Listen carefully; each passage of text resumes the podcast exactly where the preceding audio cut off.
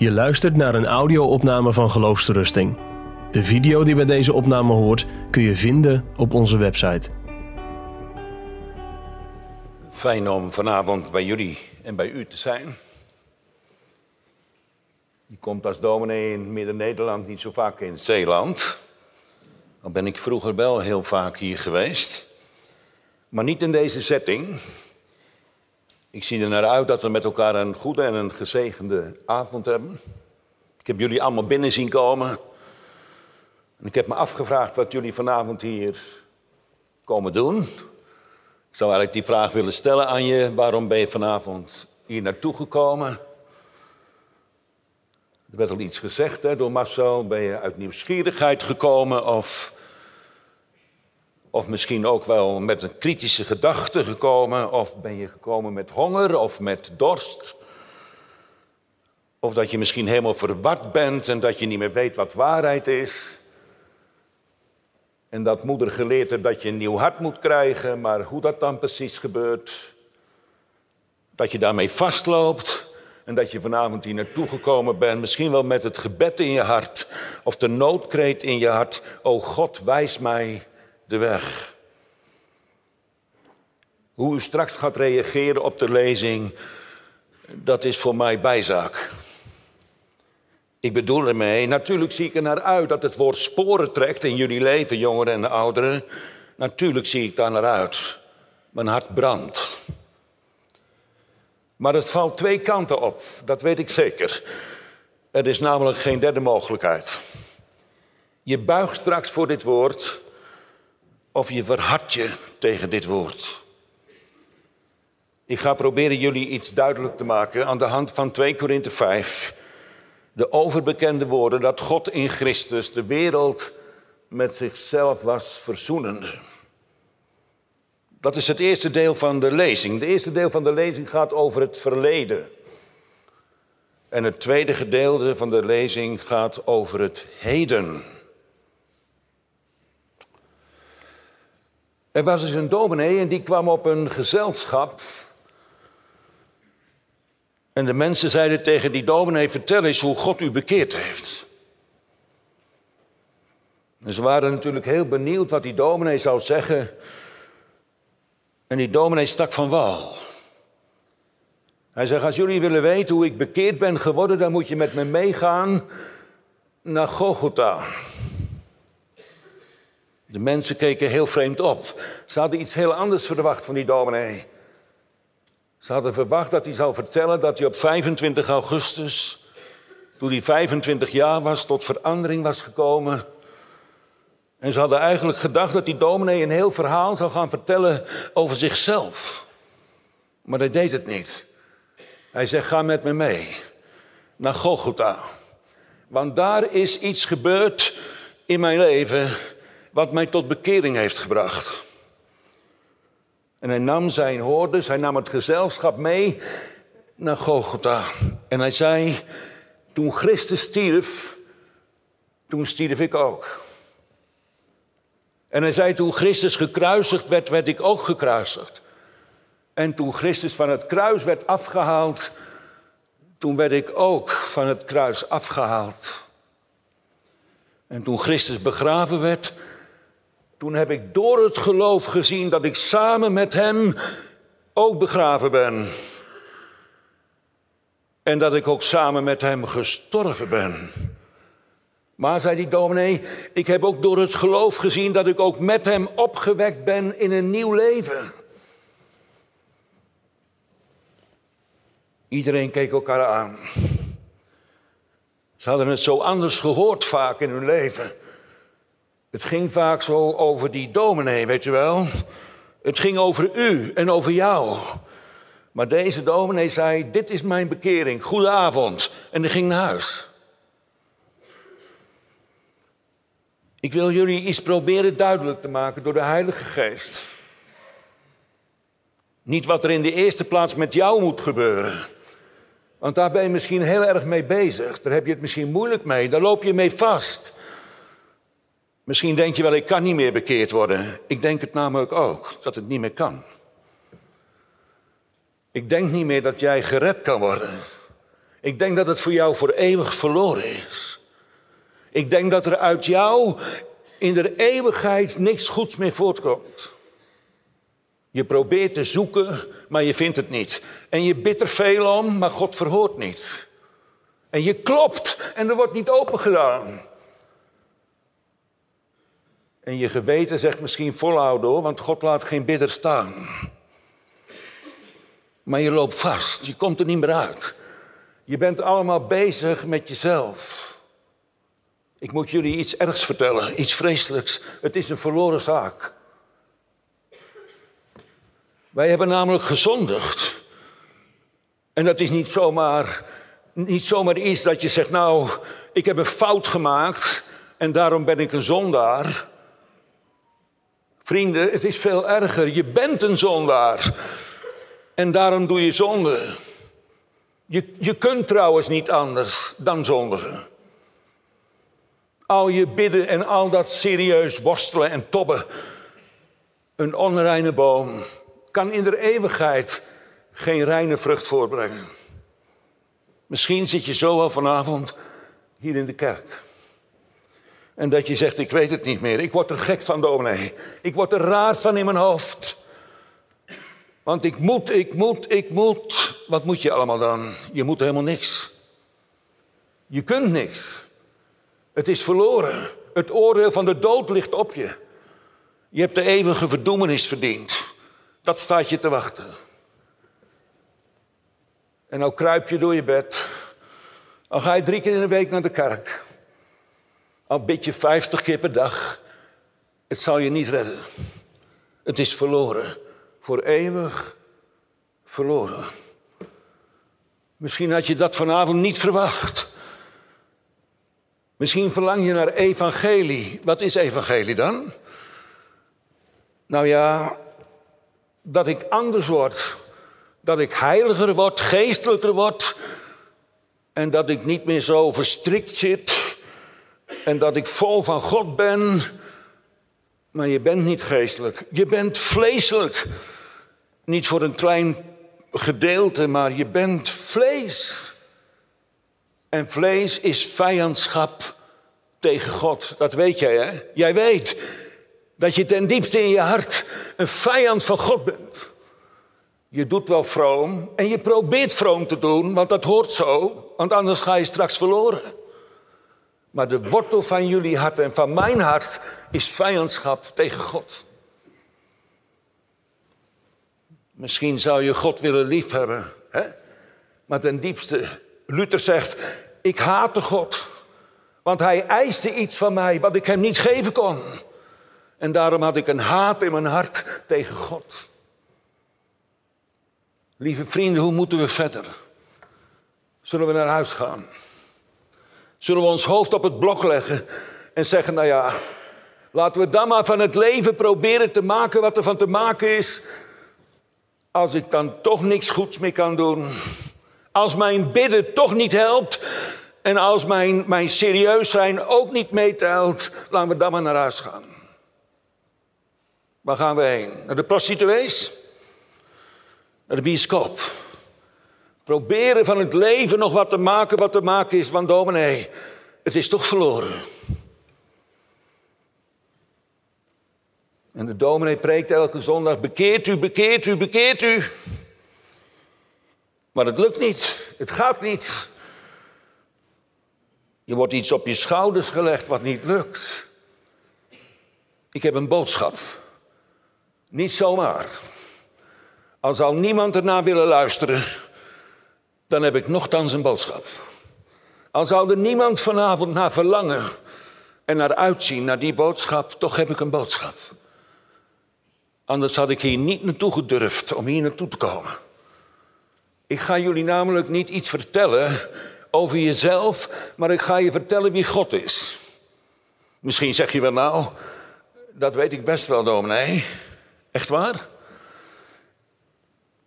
De apostel, als hij 2 Korinthe 5 schrijft, dan begint hij eigenlijk bij het vers van vers 18 dat al deze dingen zijn uit God. Wat? Uit God? Ik was zo bezig met mezelf.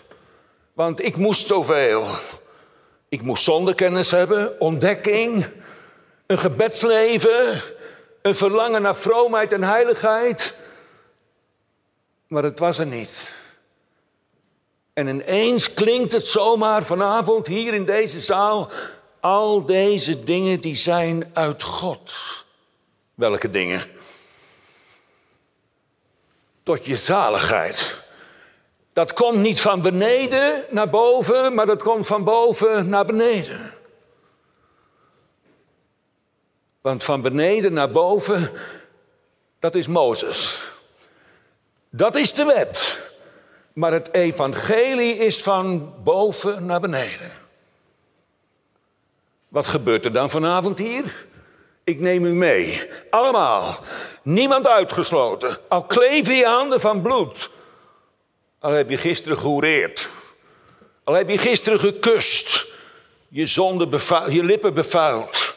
Ik neem jullie allemaal mee. Niemand uitgezonderd. Want doden zullen horen. De stem van de Zoon van God. Doden. En die zullen leven. Dat heeft God, mijn meester, beloofd.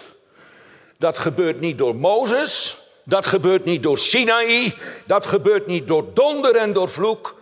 Maar dat gebeurt door het evangelie. Een blijde boodschap. Voor jou.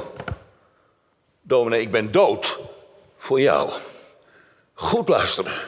Doe je arm over elkaar, bij wijze van spreken. En luister.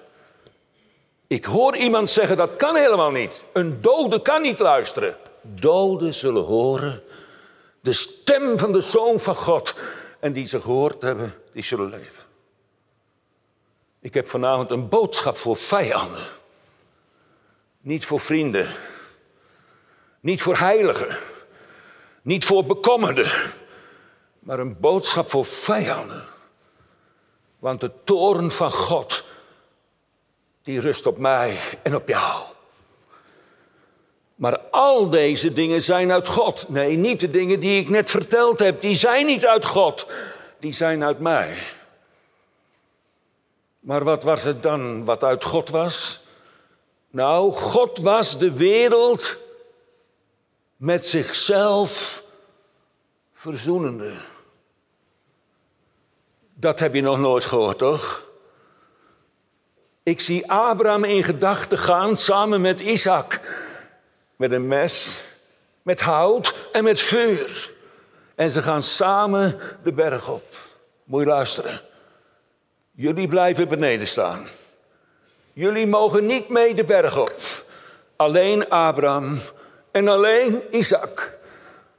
En alleen het vuur. En het brandhout. En Abraham komt boven op de berg. Samen met zijn zoon. En Abraham die bindt zijn geliefde zoon, zijn enige die hij van de Heer gekregen had, bindt hij vast op het altaar. Abraham had maar één gedachte.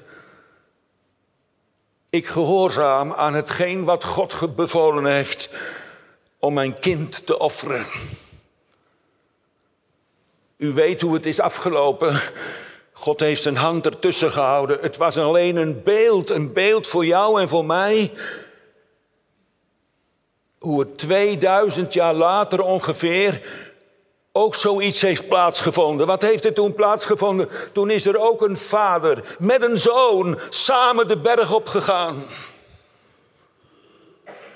En toen heeft die vader zijn zoon aan het kruis gebonden.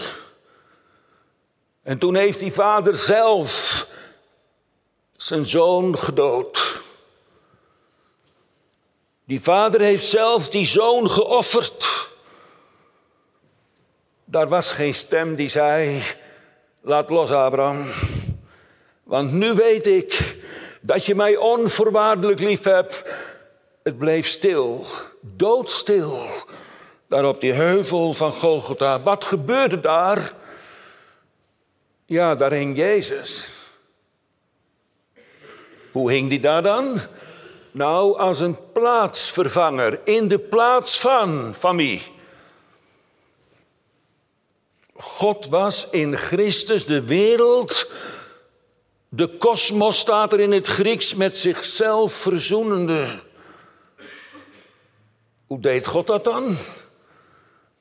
U was er niet eens bij. U moest onderaan de berg blijven staan. Ik ook. En God liet daar iets plaatsvinden tussen God en God. Daar was jij niet bij, nog een keer. Want je wil er zo graag bij zijn. Je wil zo graag wat beleven. Je wil zo graag meedoen, maar je doet niet mee. Het is een zaak tussen God en God. En God heeft daar het liefste wat hij had. Zijn enige geboren zoon heeft hij tot zonde gemaakt.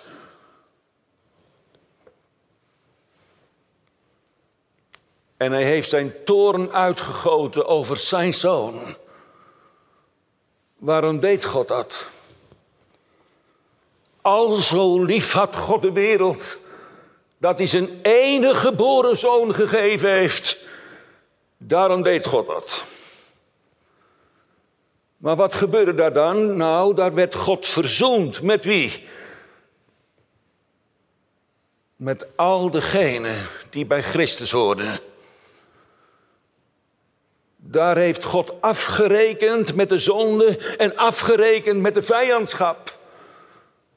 En daar heeft God zijn zoon in de plaats, in de plaats van al degenen die bij Christus horen, daar heeft God het in orde gemaakt. Vrede geschapen. In Christus zijn lieve zoon. Dat is 2000 jaar, 1500 jaar geleden. Dat was een zaak tussen God en tussen God. De vijandschap die er was tussen God en tussen de wereld, die heeft God daar weggenomen zonder iets van ons. Daar telde je gebed niet mee. En dat jij het zo moeilijk hebt gehad, telde daar niet mee. Dat offer, dat kon God niet behagen. Maar het behaagde God. Het kwam niet bij Paulus vandaan en niet bij dominee Simons vandaan en niet bij Gods kinderen vandaan, maar het kwam uit God vandaan. God had het initiatief genomen. God had in de eeuwigheid gedachten van vrede gehad en niet van kwaad. En daarom gaf hij het liefste wat hij had. Dat er weer gemeenschap mogelijk zou kunnen zijn tussen de zondaar, de goddeloze, degene waar de toren van God op rust, dat er weer gemeenschap kon zijn met jou. Dat God niet meer in toorn, maar in vrede naar jou zou gaan zien. Dat je vrede mag ontvangen door de Heilige Geest. Was dat zo? God was in Christus de wereld, dus God is verzoend, ja. Met wie dan? Met Christus. Maar met Christus, al degenen die bij Christus horen. Wat een boodschap, hè? Tegen die zwarte achtergrond van de eeuwige dood. En van die zwarte achtergrond dat ik nergens toe in staat ben om goed te doen, alleen maar om, in staat om te zondigen. Maar wij telden helemaal niet mee. In het plan van God hadden we helemaal geen plaats. Wij waren leidelijk.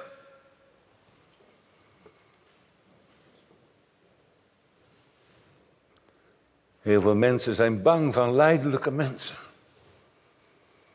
Want dominee, je moet er toch om bidden. Ik hoor het u al zeggen. Ik bedoel het echt heel liefdevol hoor. Maar je hoort er toch naar te vragen en je moet er naar zoeken, dominee. Wat een benauwd leven zeg. Een vijand die naar God moet gaan zoeken. Een vijand die moet gaan kloppen bij God. Dat kan toch niet? Wat moet er gebeuren dan? Nou, ik moet een vriend van God worden. De vijandschap die er is tussen, tussen mij en tussen God, die moet weggenomen worden. Hoe dan? Door het offer. Dat offer van John Kippur. Het offer van het Oude Testament. Dat er iemand sterven moest. Die de toorn zou dragen. Die aan het recht van God genoeg zou doen.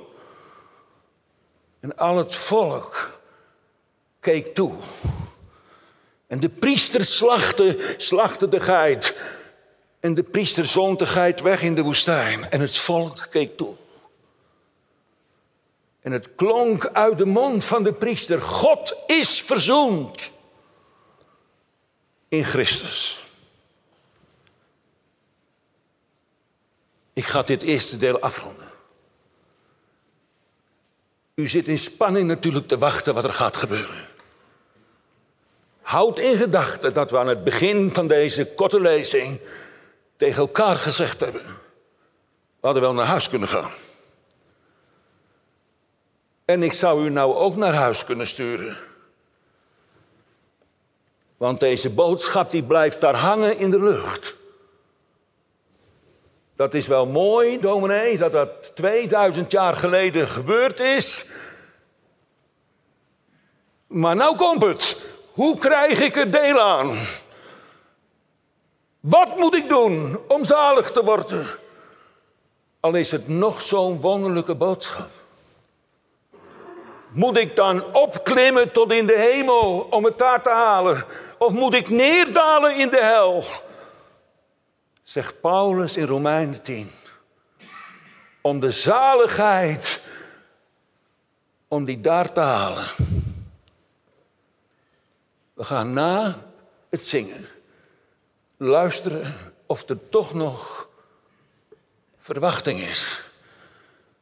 Of er hoop is. Gegronde hoop. Eerlijke hoop. Daar gaan we van zingen. Je luistert naar een podcast van Geloofsterusting. Wil je meer luisteren, lezen of bekijken? Steun dan ons werk en ga naar de website geloofsterusting.nl.